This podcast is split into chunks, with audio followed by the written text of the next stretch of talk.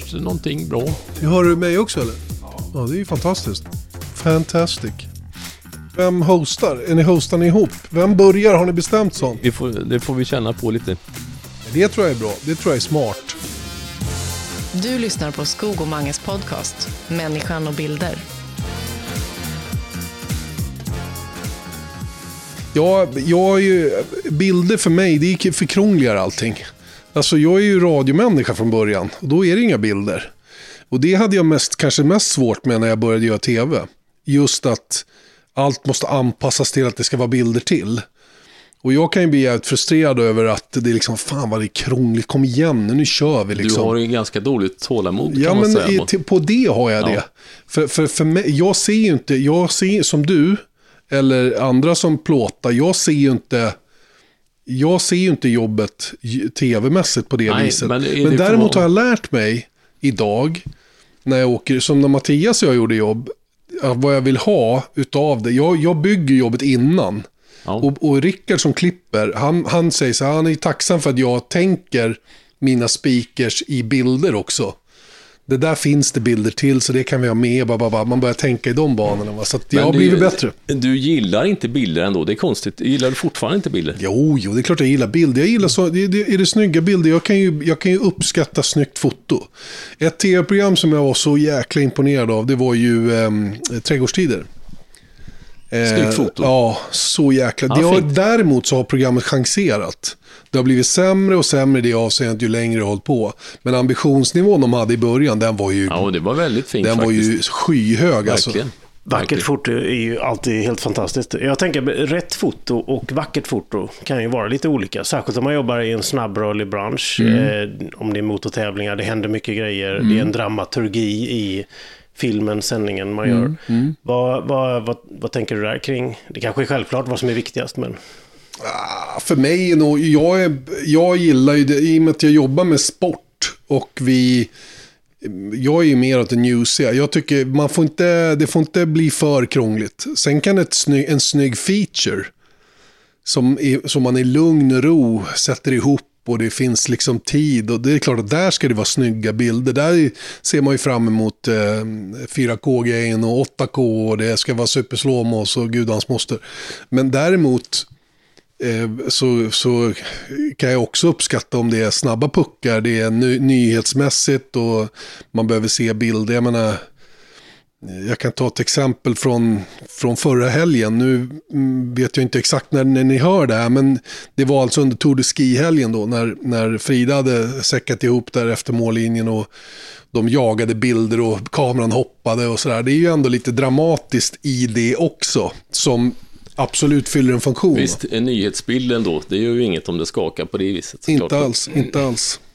Men vilken är dina favoritbilder då? Om man tänker sig, om du skulle tilltalas om några bilder, om man tänker sig inte rörliga bilder. Inte rörliga bilder. Nej, men jag kan... Eh... det, jag, har en, jag har ingen riktig gåva, så jag ser inte bilder. Jag kan ju bli imponerad av dig, Mange, när du tar... Du kan ju ta bilder med din jäkla telefon. Och jag ser andra som tar bilder med... Och jag kan aldrig ta bilden med telefonen. Jag får aldrig till det. Nej, men du, är, är det tålamodet där Nej, nej, nej. Jag ser det inte bara. Jag har inte den gåvan. Nej. Jag har verkligen inte den gåvan. Och det är inte att jag har saknat utrustning eller liksom kvalitet på kamera eller så här. Jag har inte riktigt den gåvan. Men det är klart att jag kan ju... Du kan jag ju ju köpa lite istället, så att- Ja, en tjata annan- kan jag göra. Det kan jag göra. Men det ser man ju inte. Det ser man ju inte. Nej, nej. Men det är också, Nej, men- tänker ja. jag, lite tillit till en annan profession eller en kollega i ett team också. Ni gör ju, det är väldigt sällan en reporter, ja, möjligtvis i radio då, och kanske i vissa lokala tv-stationer som gör hela gigget själv. Mm. Men i de sammanhangen du jobbar så är det väl ofta att man är ett team som ska leverera och det är olika professioner och alla bidrar. Och där har du ju storheten med den här gossen som sitter bredvid. Det är ju liksom... Vi åker till USA i höstas och, och, och ska producera. Eh, och vi bara åker dit och det är ingen säger någonting. Vi bara liksom så här, jag gör det, gör det jag ska och släpper lös Mange och han gör det han ska. Sen sätter vi oss bredvid varandra. Det tog, tog det 45 minuter att sätta ramen och sen Jo, så fixade visst. du lite, Visst, tar ju det lite klart. tid va. Men sen är det klart liksom. Och, och eh, det är, ju, det är ju när man får ihop det där samspelet som, som Ja, det är tv magiskt. är ju visst, jag askul. det. Visst, visst, det är klart det är så. Men jag är ändå förvånad, du säger att du inte tänker Nej, så mycket på bilder Nej, som jo, du, jo, jo, har jag jag- inte tänkt så mycket på. Vi känner varandra rätt så väl. men jag tänker bilder, ju absolut. Jag kan, men du måste förstå vad jag menar. Alltså, Jo. grejen är att jag har, jag, jag, har, jag, är inte någon, jag har inte kvalitetsögat. Jag kan ju se, det här tycker jag är snyggt, det här tycker jag är fult. Jag kan också sitta i, tv-soffan och säga, att, vad håller de på med? När lokal-tv är ute och filmar och det är fokus två meter bakom den lokal. Alltså man, då blir man ju så här, men det är ju elementära grejer. Ja, jo, det är klart. Men- Ja, men- ja och det, det är klart att det är en skillnad också om man står bakom kameran i en situation eller sitter hemma i tv-soffan och tittar på en sportdokumentär kanske eller vad, du, ja, vad man nu än tittar på och bara känn- känner att bildberättandet hänger ihop med det övriga. Liksom. Mm. Eh, Men det var det som var grejen med det här trädgårdstider. Där hade de ju ett bildspråk. Ja, det var Som, jättefint. var, som, var, som gjorde att man bara Fantastiskt fint. man satt med huvudet på sned Visst, bara och visst. tyckte att det här var toppen. Verkligen. Eh, våran ko- kompis Erik Stenborg har gjort den här Taming Speed. Fantastiskt fint. Det är otroligt vad de har lagt ner pengar på fotot och Mm. hela den grejen. Så, men då, och jag, jag tänkte verkligen på det när jag tittade på filmen. Att Ja, ädrar vad de har. Och det är närbilder och jag tänker på, där tänker man också bildspråket. Och jag vet att Axel N. Svindal sa det till mig, så här, fan, man får fan med se ordentligt ut i ansiktet där. För de Ja, skjuter nära liksom och sådär. är Och jag kan ju tänka mig skådespelare idag, de är ju inte jätteglada över att det är 4K och det är närbilder. Och Nej. Det är inte konstigt att de går till plastikkirurgen och fixar. till. nej, och de ställer väl också krav i sina avtal på att det ska vara vissa filter som mjukar ut eh, Säkert. rynkor i ansiktet och så Säkert. vidare. De avtalen har inte jag riktigt fått möjlighet att skriva med min arbetsgivare. Som tur är har jag ju radioutseende och håller mig någon annanstans. Men, Ja, ja. Nej, men eh, säkert. visst, bildspråk är viktigt. Va? Sen, men ibland kan jag också tänka så att ja, men här har de ju spenderat tusen och åter tusentals kronor på det ena och det tredje. Och i, framförallt när man vet hur packningen såg ut. Så tänker man så här, var det värt det här? Mm. Jo, jo, det är en Den frågan har jag. Det ställt mig intressant- Det är en många intressant gånger. fråga faktiskt Den egentligen. har jag ställt är, det värt, många är det värt att lägga ner så mycket tid för att ta de där bilderna? Ja. Så att folk ska... Jo, men det måste det vara. Det kan vi. Ja, det tycker ni som är plåtisar, Ja, det självklart. klart. Men, men liksom, ibland, mm, vad jag kan känna så här, fan vad det släpar grejer. Kom igen, ta en kamera och skjut lite bilder så är det klart. Liksom så här. Lite så va. Istället för att vi en gång var jag iväg på, när vi var, för det var innan din tid, när vi kom med en kille, han hade ju liksom fasta skott med sig. Tio stycken. Ja. Hur tänkte han att vi skulle hålla Ja, på i en månad eller? Det tar, ju, det tar ju liksom två timmar att ta varje bild då. Just det, när det är run and gun som det kallas på engelska, när man springer runt och gör ja, dokumentär. Eh, det gäller att fånga rätt bilder som jag var inne på innan. Då ska man kanske inte ägna sig åt att Och ljussättning och- med nej. flera lampor, Nej, byta verkligen. objektiv. Nej, det, är ju, och... det är ju superintressant att vara. Det har vi ju ändå eh, nuddat vid lite och funderat mycket. tycker- Eller jag tänker ofta på det i alla fall när jag, när jag eh, att packa lätt utrustningen. Att absolut inte släpa med sig för mycket grejer. För det, det tycker jag är, och även om man verkligen vill ta finbilder, att inte ha med för mycket grejer när man är ute och jobbar. Det skäl ju bara fokus. Ja, nej, men det, Alltså, det, nu det är kan jag tycka är det jobbigaste utav alltihop. Det är när jag ser att jag missar bilder. Och man säger, nej, men vad i helvete. Nu hände detta framför näsan på mig och jag stod och fibbade med något annat. Det kan jag tycka är den jobbigaste känslan nästan Ja, av men alltihopa. Det finns många klassiska, jag har sett bilder på, i sociala medier och så vidare, som är väldigt tydliga när det är när eh, stillbildskamerorna blev digitala, Ja. då hände ju någonting plötsligt med alla, eller alla, med de flesta fotografer. Ja. Det vill säga man plåtar en, ett par bilder, tittar på Ja, eh, ja, det displayen, kollar bilder, sina ja, när bilder. Medan en analog fotograf bredvid fortsätter och bara knäpper, knäpper. Jag kommer inte ihåg, det var någon situation i ja, Irakkriget eller någonting där de rev någon staty eller någonting. Så det var en fotograf utav kanske 20 som Ja, fick den alla bilden som ja, alla ville ha. Ja, Men ja, alla det bara letade och kollade Ja, i det var den när Liksom. den där statyn Ja, vickade på Visst. Saddam. Ja, men det är roligt. Så det, Men det ligger jättemycket i det där. Och, och, och att, att ha rätt grejer har erfarenheten. Och jag tänker mig också som du Mange, du har väl säkert din, din kameraväska. Det är väl bara öppna locket, ta ut kameran och trycka på knappen nästan. Ja, jag brukar inte ha någon väska heller faktiskt. Det, det, Till och med inte nej, det? nej, men jag har aldrig haft någon väska. Det är ofta om man är bara iväg, det är ju bara kameran i handen. Pang, direkt. För det, man vill inte missa något. Man kan inte ha tiden och när man väl, är, om man väl flyger med den, det är en annan sak. Men när man väl börjar jobba, då är det, då är det bara pang på. Det finns inte, någon, det finns inte att den skulle vara nerpackad liksom. Nej, det har den fasen aldrig varit. Nej, Och nej det, det, det, har alltid varit så här, en mick, kameran, alltid Pang. redo. Alltid visst. redo. Behöver vi två mickar, ja ja då Visst, får vi gräva en fine. gång till. Men alltid en mick Ja, eller hur? Och en kamera redo. För det där, är, det där är otroligt frustrerande om man skulle missa något. Men, men att alltid vara redo, liksom, det måste ju på något sätt vara A och O. Sen fattar jag att det finns olika typer av ängfotografer, det vill säga sådana som är ute på fältet. Och, Ja. eh, och man har väl sett lite olika varianter på dem. Sådär, va? Och, och du och jag har ju ett språk så här, Visst. Eller vi behöver knappt prata med Nej, men varandra, vi är så- ju lika som personer Ja. Mm. från början, så det underlättar ju. Sen har vi jobbat många år nu, så att det är... Jo, så är det ju. Och, det- och samtidigt så mm, har man varit med någon annan plåtis så, så ja, man får ju liksom kolla lite.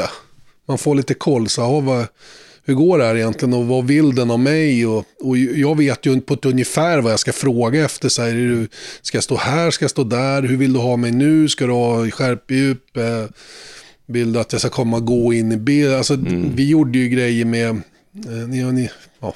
Vi har gjort grejer med sådana som inte gör tv. Utan vi filmar mm, kanske YouTube eller vad det är. Och, de, och så kommer man och så går man mot en kamera. Så bara fortsätter man att gå förbi. Går ur bild. De fattar ju inte, för de har ju aldrig varit med om en människa som gör det utan att de blir tillsagda. Liksom, att, att, att man, man, där, och där kommer det till det jag pratade om tidigare. Man tänker klipp, klippning. ja, ja visst, visst. Hur, liksom, vi, och, och gå ur bild. Och, och håll kameran still. Det var ju såna grejer som man fick lära sig. När, jag blir ju så galen på folk vet, som plåtar med mobilen. Och den far så här. Ja, den hänger med Ja, jag vi, visar nu för alla som inte ser att den är överallt. och så sa. Mange till mig, så- 10 sekunder på varje bild. Sen byter du. Det tror jag du sa till mig. Eller om du, jo, jag tror att det Ja, var ja, du. innan redigeringen då. Mm, ja, visst, för jo, men det- liksom så- ska du filma? Det är som att ta en stillbild fast de rör sig i stillbilden. Och sen så flyttar du till nästa stillbild. Ja, visst, visst. Och sen så flyttar du till nästa. För vem, jag menar, det- tänk om huvudet for på det där viset när man ska kolla på. Man Nej, blir ju det, är ju sjösjuk jobbigt att, liksom. det är jobbigt att titta på sånt som flaxar runt i alla fall. Ja. Det, det måste Mm, man ja, jag, har, jag har hört flera producenter, bildproducenter eller, eh, som bestä- beställare av reportage och så vidare som klagar just på det här, precis det du säger. Mm. Jag tror att eh, det är ett väldigt bra medskick till eh, fotografer som lyssnar på det som, eh, som kanske börjar sin karriär eller vill eh, komma in i tv-världen och göra grejer. Att hå- hålla kameran och hålla shotet. Ja, Ja. håll still. Håll still. Och håll lite till. Så att det finns klippmån. Ja, men så att det finns klippmån liksom. Visst, nej, men det där är bra tror jag. Om man börjar filma så är det nästan bättre att börja redigera då innan. Så man, man förstår egentligen vilka bilder man behöver ha med sig. Det, är- det är Precis, bra. och hur elak man är mot redigeraren om man skickar med något annat. Ja. Det vill säga att ja, man trycker startstopp vid fel tillfällen. Ja, men just för min grabb redigerar så har jag fått kanske större förståelse för hur det ser ut där. Ja. Och frustrationen som de upplever. Och så vill de ha en bild och så vill de dra ut den lite, lite till. Så finns det inte mer. Liksom så här, varför? varför? Så här. Ja. Och, och, och då- på det sättet så tror jag att det är jätte, jättenyttigt. Att sådana som du Mange och du Mattias också, att ni klipper mycket också. Jo, jo, det är ju. För- Alltså, man vet vad man behöver ha med sig Ja, för bilder hem ändå. Så är Exakt. det, absolut, det är klart nu är är ju du och ni, eller ni båda så pass rutinerade så att ni kanske inte behöver den hjälpen mentalt. Men, men är, man en, är man en fotograf som har asp, aspirerar på att komma ut så är det nog bra att börja med både och. Och göra ungefär 50-50 av det. Och Precis. klippa sina egna jobb.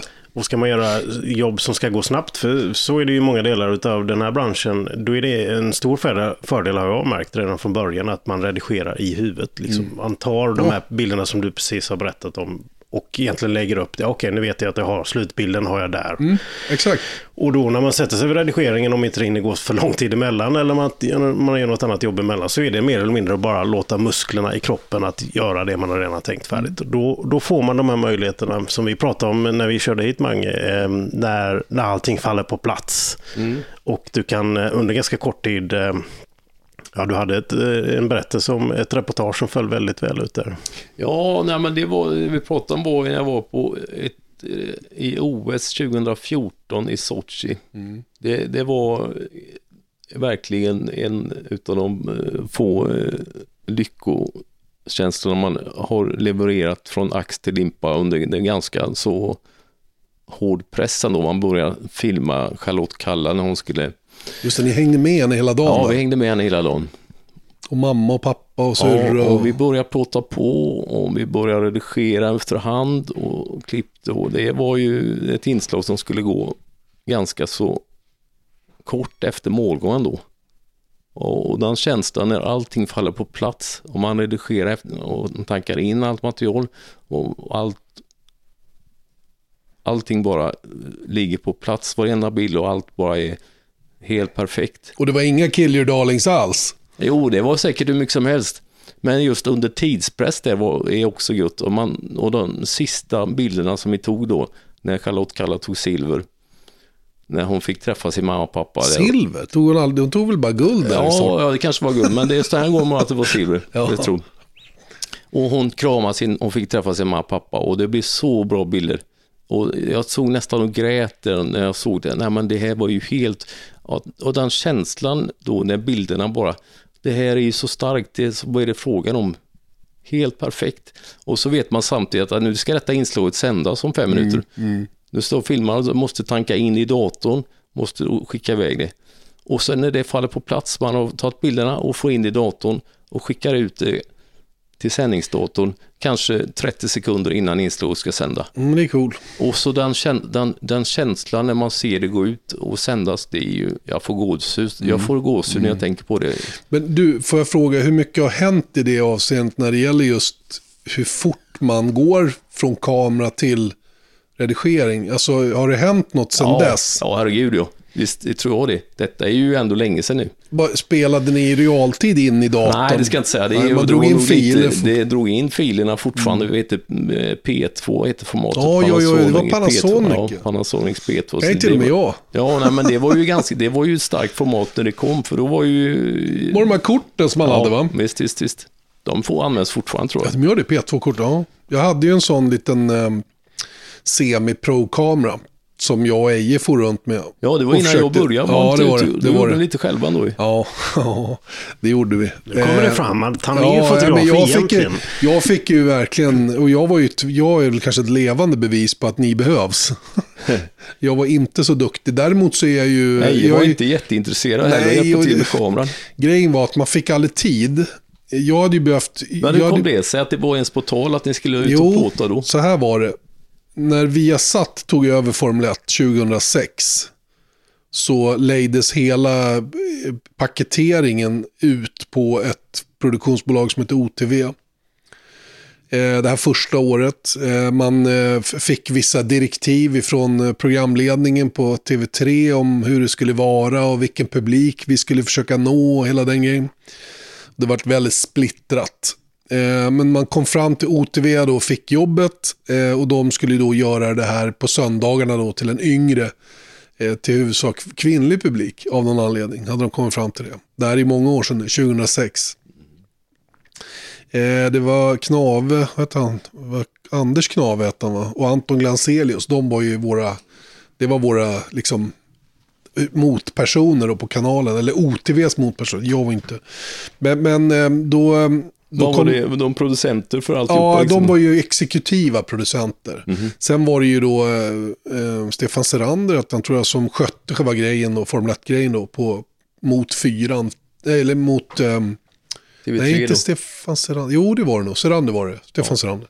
Men Han hade gjort mycket bygga- trav på fyran innan. Men då ville man bygga liksom en studiosändningar Ja, visst. som Då hette det Studio varit. F1. Och Ja. man drog in eh, Robert Aschberg och det var Carolina Ja. Gynning och det är FCZ Tore och Gud hans moster.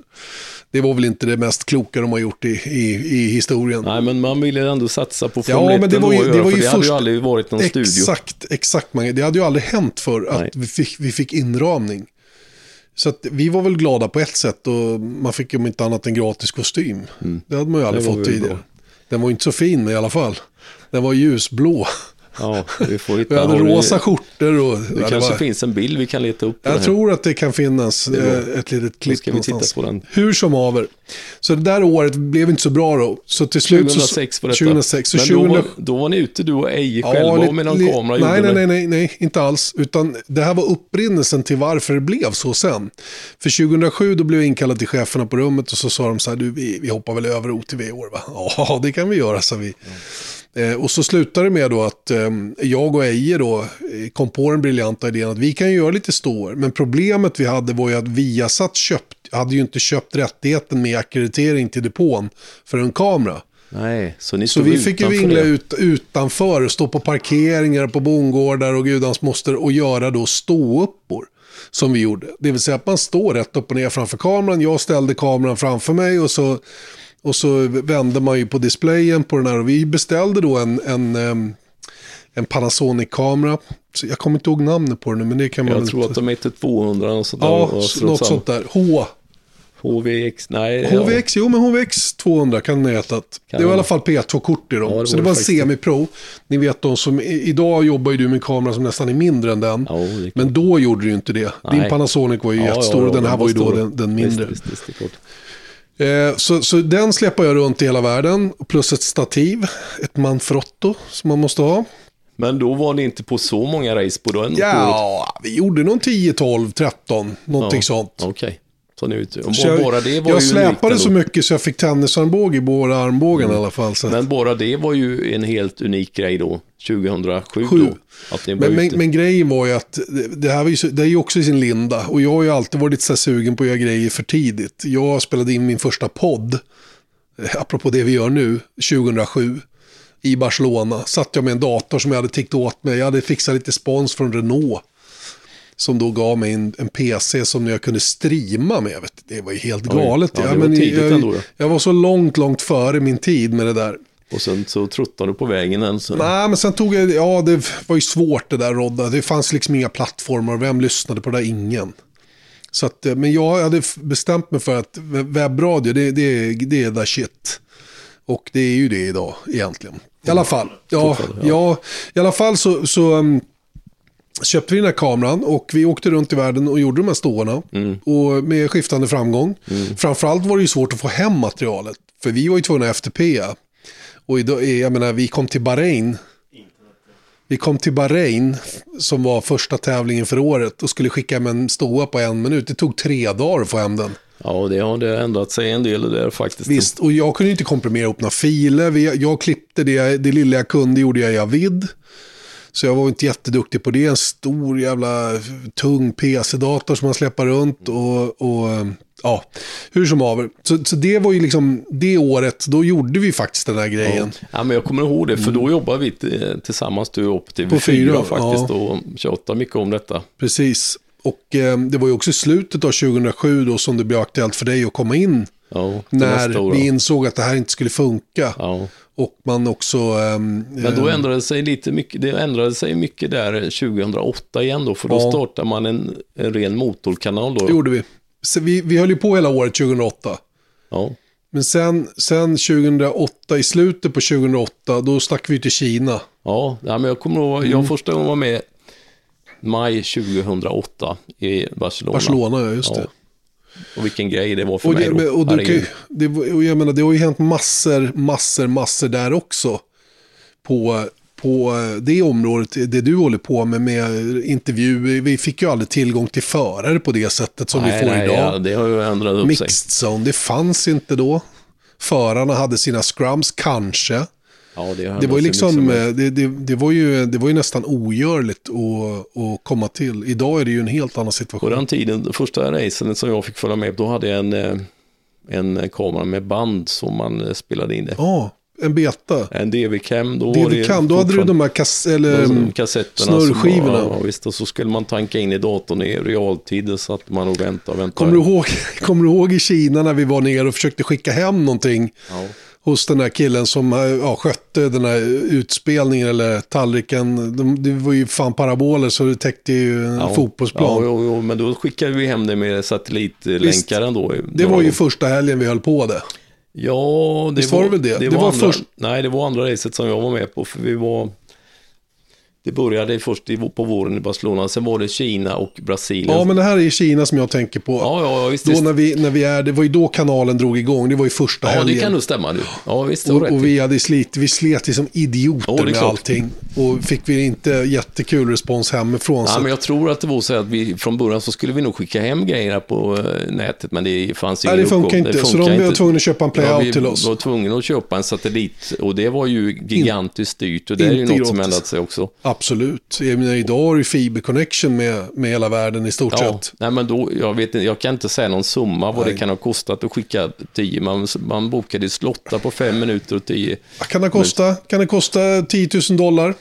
Ja, säkert. Skicka en kvart. Ja, Så ja, fick du, då fick du liksom ja visst. visst. förbindelsen i 15 minuter. Ja, det då var ju det bara det att se var till att vara redo. bokad satellittid. Man hade liksom... Och då gällde det att ha lite ordning och reda på sina klipp och kanske Ja. inte ha bandat för mycket och fel grejer. Nej, nej, nej, du hade bara 10 minuter på dig. och sen, var det, sen fanns det inte mer. Nej. Så det, det var ju rätt roligt, eller krångligt kan man Ja, säga. krångligt Men det, var det det. var ju ändå en, enda möjligheten att få skicka hem material egentligen Mm. på den tiden. Det, det hade ju egentligen, det hade ju precis börjat eh, de, att man kunde börja skicka via datorn bara FTP ja. FTP hem. Mm. Ja, alltså vi, det, som jag sa, jag höll på med det 2007 där i början på året och det, det liksom, ibland kunde det ta tre timmar. Ja, och man ja, tyckte nej, men yes, yes. Fick man, fick man 15 megabit så var man ju supernöjd. Va? Mm. Oftast fick man ju liksom kilobit. Just det. Ja. men på den tiden, ungefär i samma period, så satt jag själv, då jobbade också i sportens värld i Halmstad bollklubb. Var med laget på träningsläger, till exempel i Italien, hade jag absolut inte samma möjligheter att skicka eh, högupplöst. Jag konverterade det till Flash som var, innan YouTube Ja, fanns. Och. Och man- och då var, det var ju så små det. bilder. Alltså, Ja. ja, jag vet inte, jag kommer inte ihåg upplösningen, men det var ju max 480 liksom. Konverterat till Flash. Det var ju oerhört grynigt, man såg ingenting. Så att, det är skillnad på tv där i det sammanhanget. Jo, förvisso, va? Men, men i principen är den samma. Så, så att, eh, men det var, ju, det var ju en rolig episod ju, i, i våran, liksom, i det här fältarbetet som vi har hållit på med. För det är ju det är ju fältjobbet som är roligt. Stå i en studio, det har jag ju också varit med om. Jag spelade in, jag spelade ju in um, Robot Wars Ja, det kom- 2001. Var det 2001? 2002, 2001, 2002. det är i ju skarven länge sedan. där. 20 år sedan. Ja, med, med Svullo. Ja, det har du rätt ja. Och det var, ju mitt, det var ju mitt första jobb framför en kamera. Hur kom det sig att du började jobba med det? Jo, så här var det. Då hade jag ju jobbat med Formel 1 några år. Och ehm, Johan Spindler, som idag är hög, hög chef på NEP. Han, ehm, han var ju då producent på, för Formel 1 som jag gjorde. Ja. Jobbade på Kanal Plus. Eh, Kanal Digital, vad det nu kallades.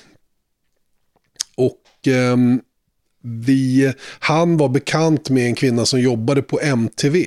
Alltså inte MTV utan MTV Jonsered i Göteborg. Mm, ja, en Ett produktions... tv-produktionsbolag. Och de hade fått uppdraget av fyran att göra då den här eh, svenska wraparounden av det engelska BBC-programmet Robot Wars. du vet, folk byggde konstiga kreationer som de slog sönder varandra med.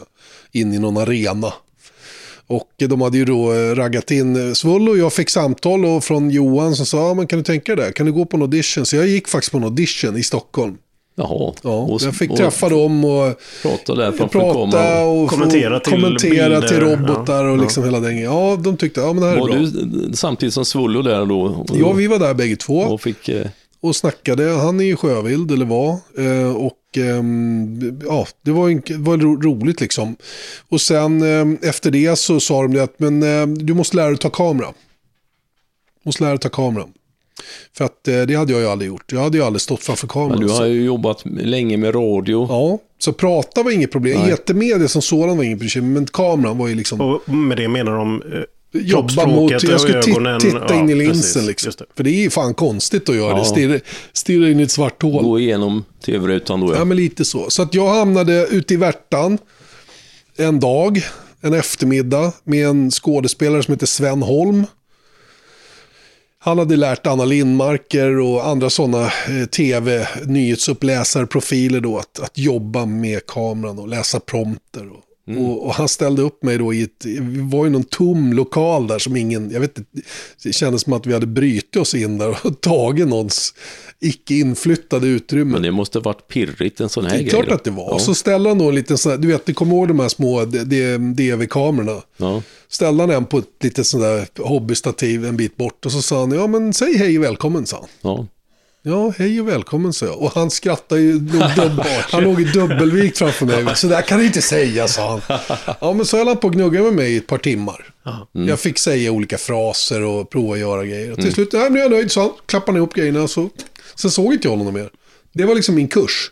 Ja, men ni tittade på det Nej, tillsammans? nej, det var glöm bara- det. Han bara stängde butiken. Så Ja. gick jag, ja okej. Sen så åkte jag hem. diplom, ingenting. Nej, nej, nej, ingenting. Ingenting. Ingen feedback, nothing. Nej, men Och han sen- tyckte sen att du var det gjorde det bra till slut i alla fall. Ja, ja, men nu är jag nöjd, sa han. Ja. Nu är jag nöjd. Ja. Okej. Var du fine. själv nöjd då, eller var du nöjd Jag från har början? ingen aning. Jag vet, jag har inte ens sett grejerna.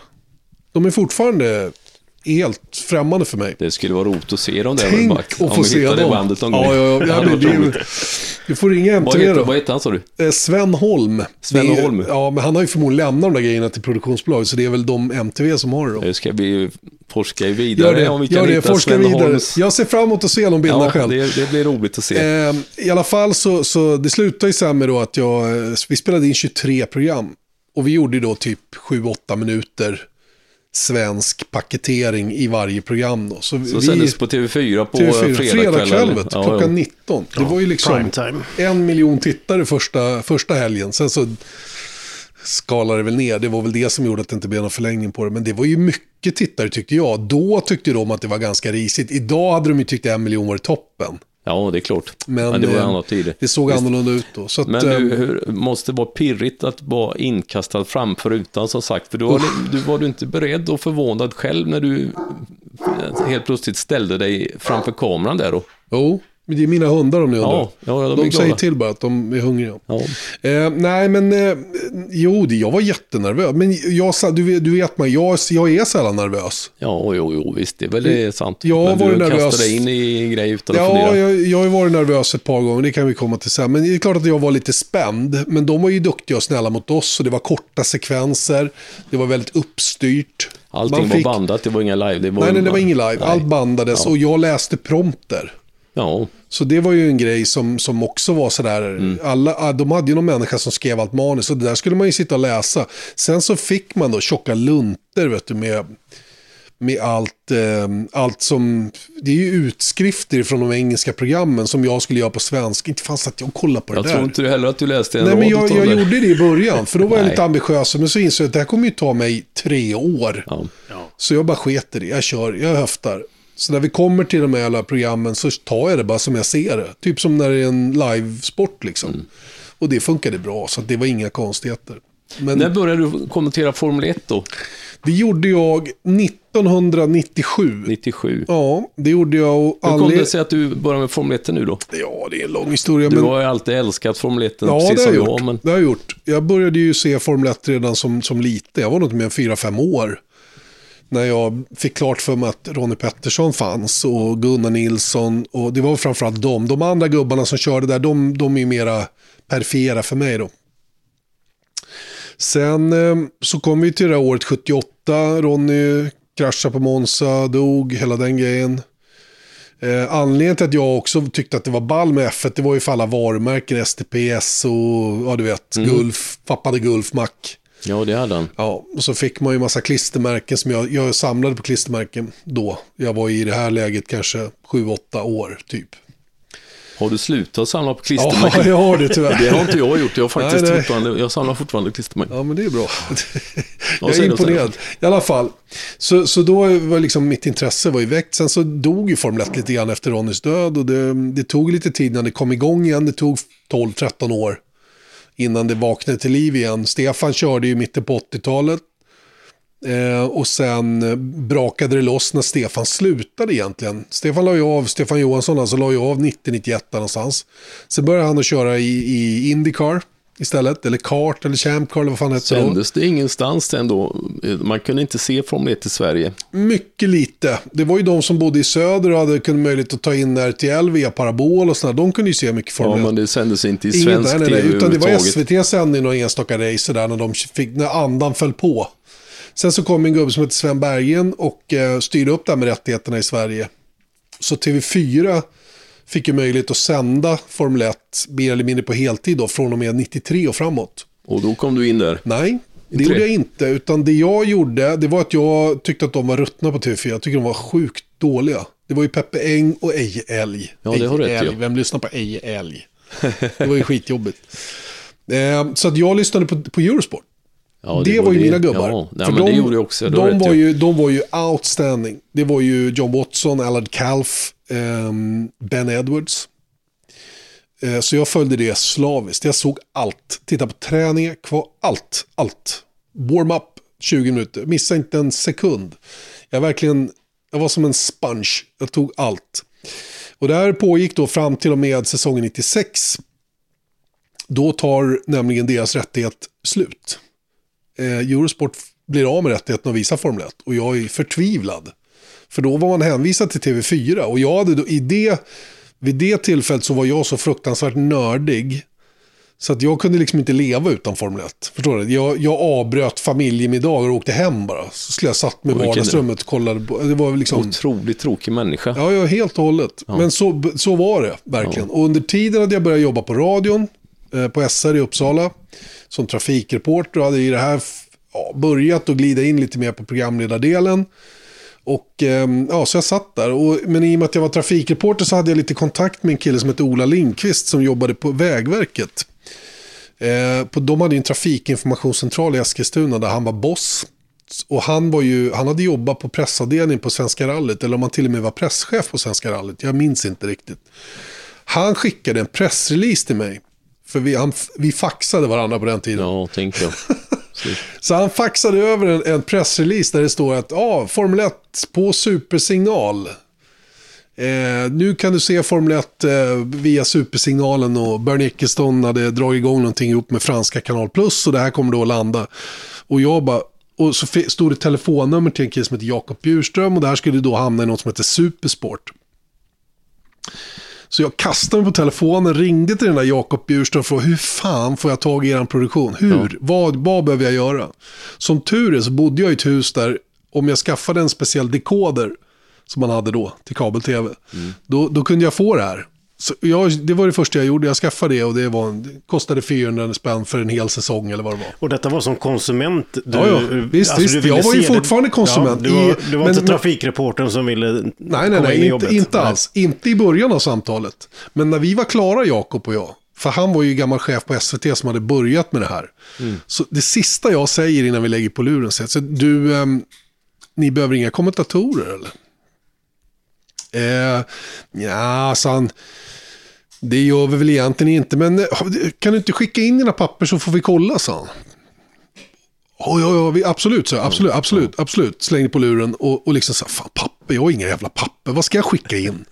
Jag har ju ingen CV överhuvudtaget. Däremot så hade jag en kompis som jobbade på Supersport som fotbollskommentator, Anders Fredriksson, som är speaker på travspeaker på Valla, Solvalla till exempel, fortfarande. Och gör mycket fotboll tror jag, på Simor och sådär, Okej. fortfarande. Han ringde jag. Anders, nu får du fixa en intervju. Du måste fixa en intervju till mig så jag får komma dit. Och det gjorde han. Han såg till det. Jag fick komma dit. Jag hade fått ett nytt korsband i vänster knä så jag gick på kryckor men jag hoppade dit. Eh, tog mig upp på Kanal Plus nere på eh, Tegeluddsvägen i Stockholm, bredvid, som är alltså granne med TV4-huset. Eh, studsar in där och träffar då Mats Taxén som var redaktionschef och Peter Harrison som var då producent för hela den där nya Formel 1-produktionen då som skulle börja visas i Sverige via då Supersport som det hette. Eh, och för, bara för att ge det kontext så var Supersport det som blev Filmnet. Kommer ni ihåg Filmnet? Jajamän. Ja, ja, Och Filmnet blev ju sedermera Kanal Plus. Allt det här hände under samma år. Så det var ju en trans, det var ju så här, det hände mycket det här året med det här bolaget. Supersport blev Filmnet, blev Kanal Plus. Det var därför de hade fått tillgång till det här, för att det skulle bli Kanal Plus genom franska Kanal Plus. Och... ehm, Ja, så då fick du gå dit och jag gick dit. provspela igen då? Satt, nej, nej, nej, satt jag på det här mötet och, och ljög dem fulla om hur jävla duktig jag var på Formel 1 och hur mycket jag kunde och träffade Peter och jag kände väl sådär att ja, ja, kom igen. Men Mats han tyckte så här, ja, men du får komma hit. Vi, vi har Brasiliens Grand Prix här runt hörnet. Du får komma hit och sitta ljudbackup om något händer. Men vem var det som, fanns det någon som kommenterade det? Det gjorde det. Det var Claes Billstam, gammal kartlä- rallykartläsare och Fredrik Ekblom. Jaha, Och de var i Brasilien då den här helgen. Brasilien låg tidigt på året. Eh, Så, så jag fick sätta mig då, vi satt ju då eh, fyra länder. Det var Finland, Norge, Danmark och Sverige i ett rum som de hade förberett. Så var det som bås Eller sådana här, du vet, ljuddämpande väggar emellan. Satt alla och tjatade i samma rum där. Och jag fick sätta mig på Sveriges plats och där satt jag bara och kollade. Jag hade spikat något jobb, något reportage de hade gjort där nere i Brasilien. Sen satt jag bara och kollade på racet, det var det jag fick göra den gången. Sen fick jag komma tillbaka helgen efter. Jag tror att det här kan ha varit Argentina, som också låg eh, där i början på året 97. Så fick jag sätta mig i ett rum Och och, ko- och kommentera racet på VOS. Som de då lyssnade på i efterhand och jämförde. Okej. För det andra sände de med andra... De andra gubbarna, de okej. kommenterade på riktigt och jag, och jag låg Låtsas. parallellt då, i, i torr, torrläste. Och de lyssnade på det där och sen så kom de fram till mig och så sa de att ja men det här var bra. Vi bokar dig. Oj. Vi bokar dig. Fyra race. Nej men Ja, det måste bra. vara Kul. vilken lycka ändå. Jag tar det. jag tar det. Ja, men, det, men du måste blivit helt där. Ja, men det är klart jag blev det. Men jag var också så här, jag, var, jag fattar väl inte riktigt. Men det, i alla fall, så jag tog den där fyra racen och sen, de ville ju aldrig sluta använda mig efter det. Så att, sen, Sen sen, du dess har jag Så hållit på. Ja, och inte Och missat jag ett tror, race nej, jag har inte missat ett enda race på grund av sjukdom eller någon annan anledning. Nej. Däremot så vart det ett litet glapp 98. För då, då lades nämligen den här supersignallösningen som fanns i Sverige 97 ner i väntan på att tekniken skulle komma för att kunna sända fler fi, fil, feeder. Du vet, vi, vi pratar alltså i slutet på 90-talet så kunde de leverera hem sex olika kanaler från samma Formel 1-lopp i olika vinklar. Sex stycken. Sex stycken. En mosaik där alla de här sex låg i en. Eller fem var det. Och sen var det täten, det fanns fighten längre ner, det Oj, var pits oj. and highlights, det var onboard och så fanns det en tidtagningsfeed. Men Bill, det var också något som var otroligt tidigt och mycket pengar har inte det kostat. Jo, jo, jo. Bernie, det var ju Bernie Eccleston som var tidig på det. Och hade han gjort det där, hade han, hade han kommit på det där 2005, då hade det ju fortfarande varit han som varit, varit kung på Ja, den branschen. Nu lite- finns ju alltihopa det Nu där. finns det, men det var lite tidigt där förstås. Ja, men, så det var ju förlagen till F1 TV Pro skulle jag säga. ja, jo, det det som det idag är Men det var väl ingen som tittar på det där. 10 000. Vi hade kanske 10 000 abonnenter totalt på det där. Mm. Ja. Så sades det. Jag har ingen aning. Men, men eh, så 98 blev lite dumt. Sen så började ju då, de fick ordning på tekniken i slutet på det. Så jag gjorde de tre sista loppen 98. Full säsong 99, full säsong 2000. 2001, då när jag höll på med och skulle bli... Nej, 2002 så, så skulle ju det här Robot Wars-programmet gå på fyran. Då började ju fyran tycka att fan, du kanske ska komma över till oss. Ja, det gör jag så om, om ni ger mig allt. För jag Men samtidigt som du satt och kommenterade för Kanal Plus så sände fortfarande TV4. fyran jag satt parallellt. För då- de hade ju en då- annan produktion, Ja. mycket, mycket sämre. Ja, ja, det var en. Men då satt Eje och Peppe och, och Ja, hela Ejo, tiden. det var väl Ejo och Arthur och Björn Andersson var en kille till. Och så Ja, just det. Men, men till saken hör då att då, då frågade ju då frågade ju de om, vi, om jag kunde tänka mig att göra det. Ja, jag kan, om jag får göra allt. Nej, det kan du inte. Du får göra fem. Ja, men det går ju inte. Jag släpper ju inte full säsong för att göra fem mot er. Så då, då lyckades jag deala till mig så att de fem jag gjorde på fyran, de fick jag ta in en vikarie för mig Mm. på Kanal Plus, eller Kanal Digital. Och sen så fick jag, ja, sen när jag inte gjorde de fem på fyran så gjorde jag dem på Kanal okej. Digital. Så jag fick ju det bästa av kakan så att säga. Verkligen. Du var lite om dig kring det där. Ja, Det men Det lite låter så. som att du visste vad du ville ändå ganska tidigt. Det var i, ganska i, i, tufft. i, där. det, I det här läget så skulle jag aldrig släppa det. Som jag hade tjatat för att komma igång igen. För det var en riktig magpumpare att de inte kom, fortsatte 98. Jag hade ju verkligen linat upp. Jag hade gått ner på halvtid på radion. Och så bara ringer de och säger det blir inget i år. Nej. What? Nej, men det var ju en svacka. Ja, jag satt riktigt på pottan där. Ja, men men ehm, ja, sen så tog jag revansch på det. Och, och, ja. Sen så, Bernie la ner den här supersignalen 2002. Och då, då, men då hade jag redan blivit övervärvad till fyran helt. Så då började jag på fyran 2003. Som tur var så liksom var det klart ändå. Och sen var jag på TV4 3, 4 och 5. Fortsatte kommentera där. Ehm, gjorde alla racen 2010. Jag gjorde- jag gjorde 11 av 17 det året. För Artur skulle göra några och den här Björn Andersson skulle göra några. Men sen fick jag alltihopa från, från säsongen 4. Och, ja, under säsong 4 och 5 då. Sen eh, klippte ju via, via satt det där från 06 och där är vi fortfarande kvar. Det är det fortfarande kvar via Play. Ja. Visst, visst, Och visst. sen träffade jag Magnus Andersson på TV4 2007. Och sen så eh, lyckades vi eh, få jobba tillsammans från 8 och framåt. Sen, Ja. sen dess har vi gjort det.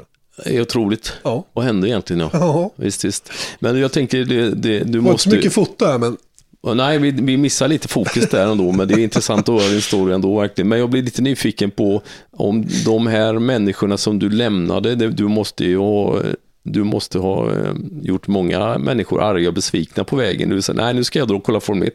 ah, det vet jag inte. Det var, jag hade väl inte så vidlyftigt liv på den tiden, va? men det är klart att det, det var ju så här, ingenting fick störa. Var, Nej. vi, var, det- var man och handlade, då åkte man hem bara. Ja, Det var inget mer med det. Nej, nej. Nu ska jag hem och kolla liksom. Det är det där nörderiet som jag tror är så himla viktigt oavsett vad det är man håller på med.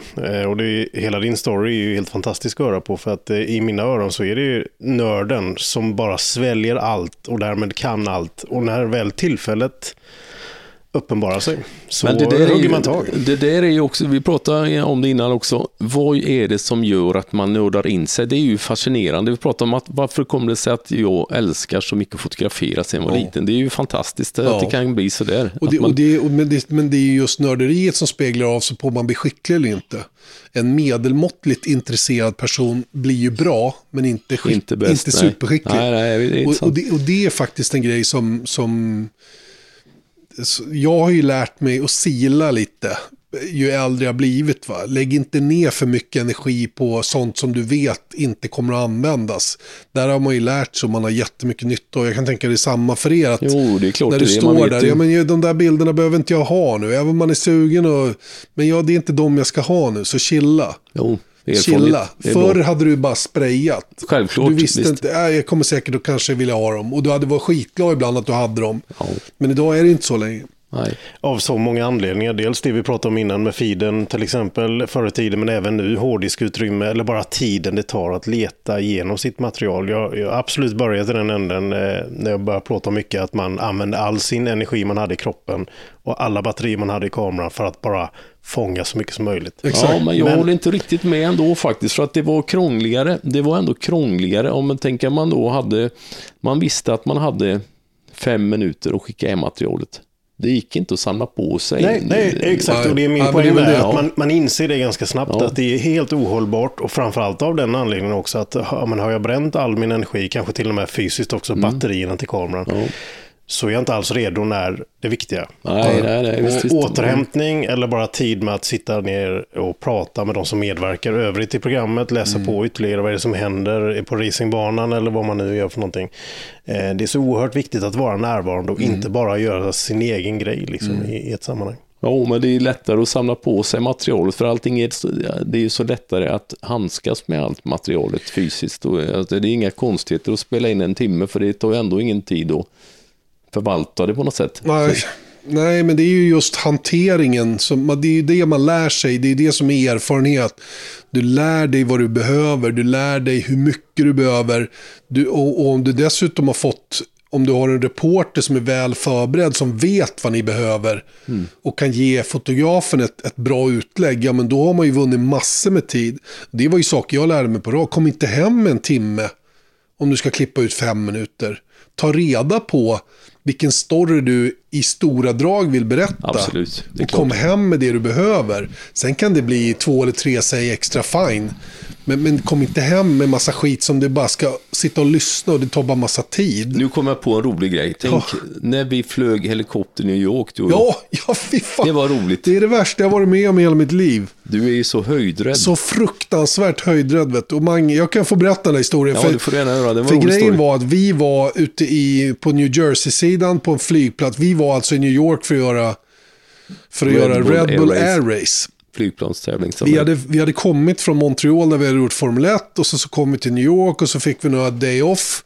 Vi hade lite trevligt och bara hängde liksom. Jag och tyckte sen, vi hade jättetrevligt. Jag, som jag för mig var det riktigt bra. Det var några sköna fester faktiskt i New York där. Inte New York. Ja, det var Montreal kanske. Men ja, ja, vi var ute med Fred och käkade Ja. och vi blev lite runda ungefär. Jo, jo, men så var det. Den gamla goa Fred Ja. Ejes polare. Han, han kom och hämtade mig, eller kom och hämtade oss, vid, eller körde hem oss från restaurangen. Jag tog väl en minut så sov jag. Ja, ja, ja, du somnade direkt. Jag ser framför mig att du satt I alla och fall, vi, var, vi gjorde det här Rebel Air Race och vi skulle då, vi hade ju fått slag på Fredrik Ljungberg. Apropå eh, två Halmstad pågar här. Så, så Freddy Ljungberg var ju där eh, och han skulle då flyga den här tvåsitsiga eh, Rebel Air Race-maskinen. Han var väl inbjuden av Red Bull på Red något Bull sätt. på något sätt ja. Och eh, vi var ju lite starstruck, tyckte det var ball. Han var ju ändå big hotshot på den tiden. Det här var 2010. Han höll väl på fortfarande då, eller hade kanske precis slutat. Jag minns inte. Spelade han inte i USA då? På Ja, det tiden? kanske han gjorde. Till och med det. Seattle Sounders tror jag. Ja, det är till, Ja, och, till, med det. Till och med det. Till och med det. I alla fall, han skulle ju då flyga in till Manhattan och vi fick chans att hänga på. Eh, och eh, man får ju inte plåta över Manhattan hur som helst. Man får framförallt inte öppna helikopterdörren och man måste vara förankrad i helikoptern. Kameran också. Ja, just det. Och så har du en sån som... Och så Mange, Mange då med. som Ja, okej. inte bryr sig för fem öre. Dörrjäveln åkte upp och jag lutade mot andra hållet. Vet du. Jag trodde jag skulle dö vet du, på riktigt. Åh, det här ser jag framför. Jag bara Ja. satt så här, bara höll i mig och Ja, lutade mot andra det hållet. Och Mange bara hängde ut kameran på axeln och den, den liksom var ju inte förankrad i någonting. Nej, hade du tappat den där hade du ju liksom... Ja, men Landa det blir i en taxi där det så det varit- väldigt, väldigt bra bilder faktiskt Ja, det blev det. Det blev det verkligen. Ja. Det Ja, blev var, jättebra. Det var fantastiskt gött att se. Och det gick inte att stänga dörren sen nej, heller. nej, det var fan ännu värre. Jag, jag, kommer ihåg, jag kommer ihåg att jag sett det där. Jag vet inte om det är att du har visat det vid något tillfälle. eller Ja, någonting, jag men jag kommer ihåg, jag säkert det. reagerade på att, att Fredrik Ljungberg skrattade och var väldigt Ja. Mm. livfull och glad. Det var han inte alltid eh, och kanske inte alltid är.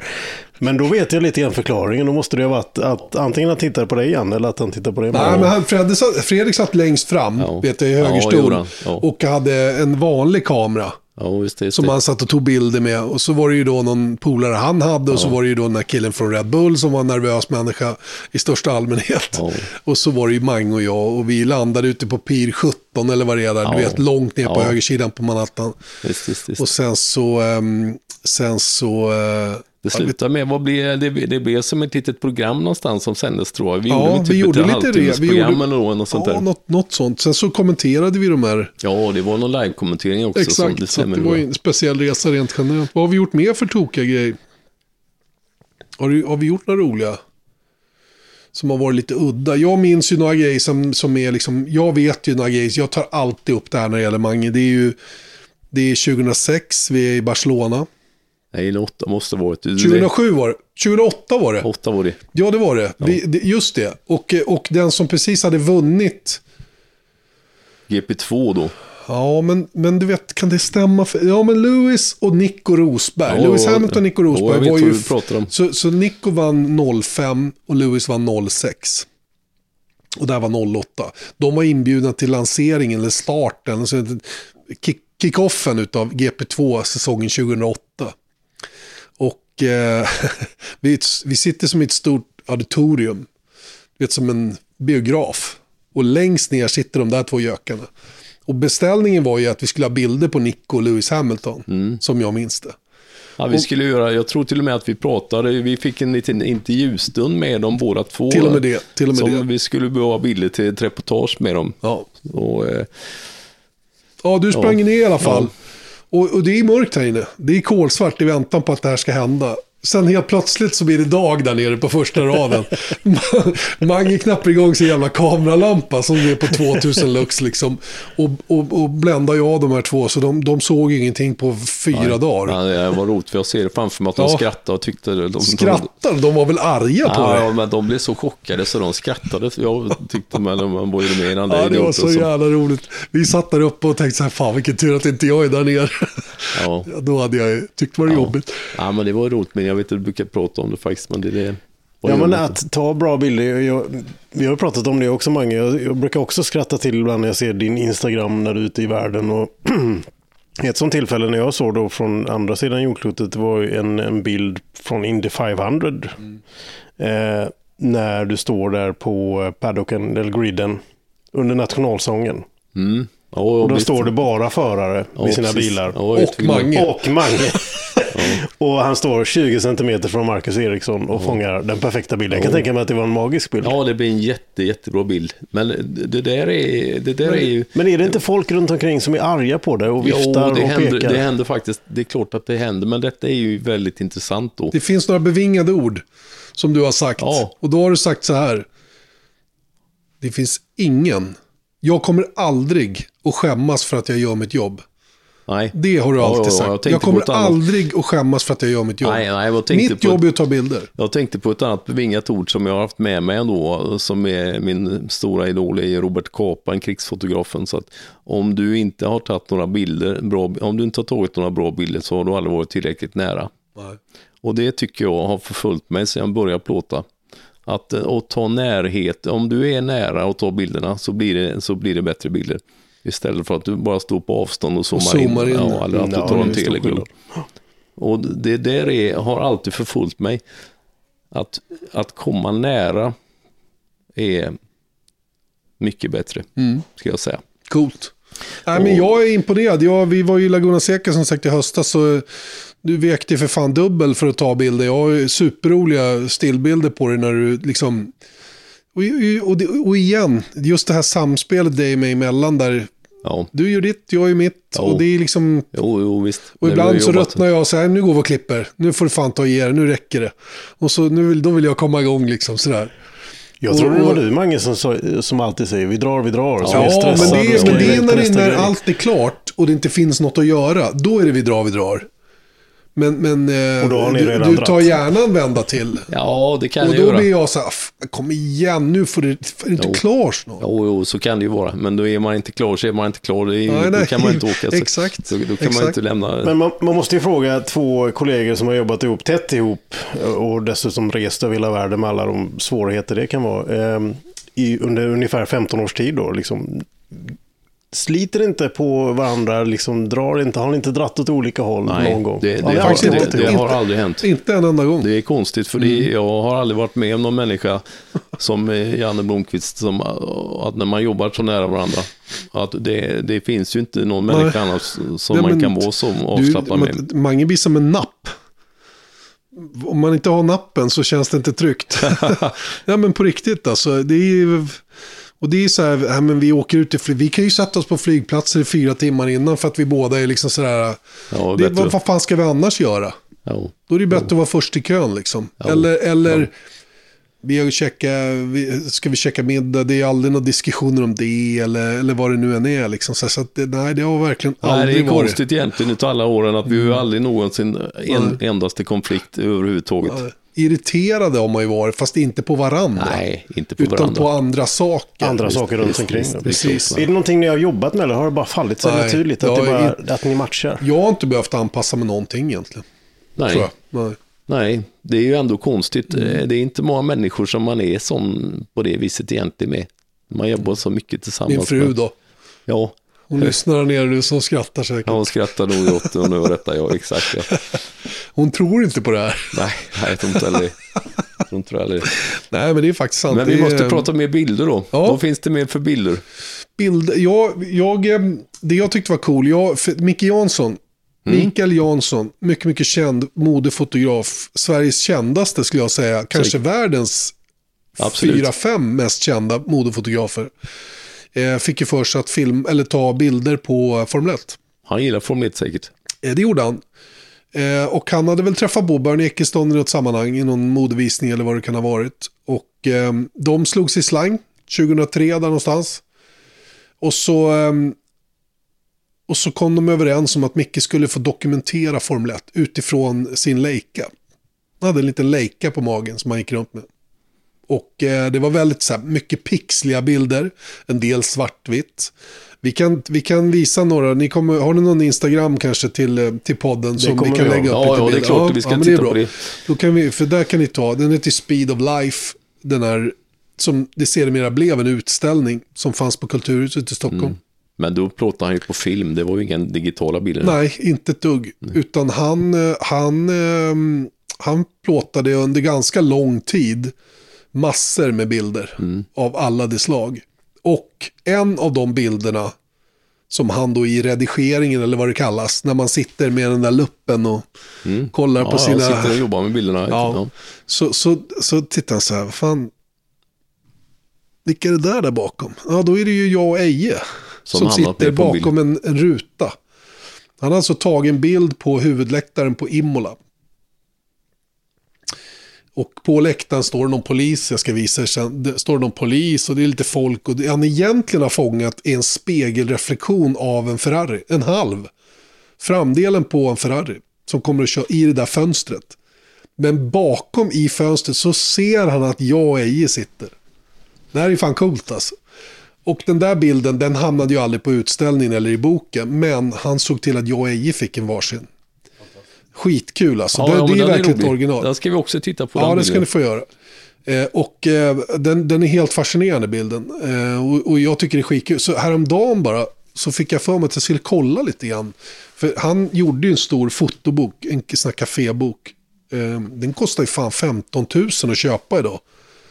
Och ehm, jag menar, jag vet inte om den kostar, om den är värd det. Är inte pengarna som är grejen, men, men det var en fantastisk fin produktion.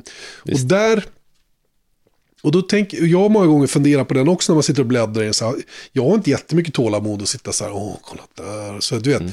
jag bläddrar och så, ja, det var en sån bild, och så var det en sån bild. Så, här, så jag är inte riktigt, Nej. jag är inte konnässör när det gäller bilder. inte bilden. Det Nej, inte. jag gör inte det. Jag, jag har inte riktigt den förmågan att, att liksom uppskatta och tycka att sådana bilder är häftiga. Mm. Just det där har ju ett starkt affektionsvärde för mig.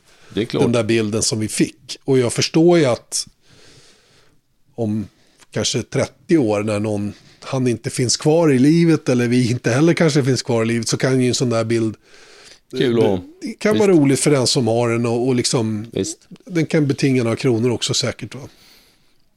Så, så det, det var roligt att träffa honom för det var en jävla ödmjuk och skön människa. Han Ja, var väldigt lågmäld. Lågmäld, eh, gick runt med sin tygkeps som han hade, alltid svarta kläder. Ganska liten kille, svarta glasögon. Ehm, mycket, mycket belevad fattar man ju. Och eh, tog ingen plats överhuvudtaget. Men fick alltid de här schyssta bilderna. Han var, han, jag tror att han är extremt duktig, vad han än företar sig faktiskt. Ställ en fråga till Skog och Mange. Hör av dig på Instagram. Ingen TV utan Mange. Eller The Real Skog.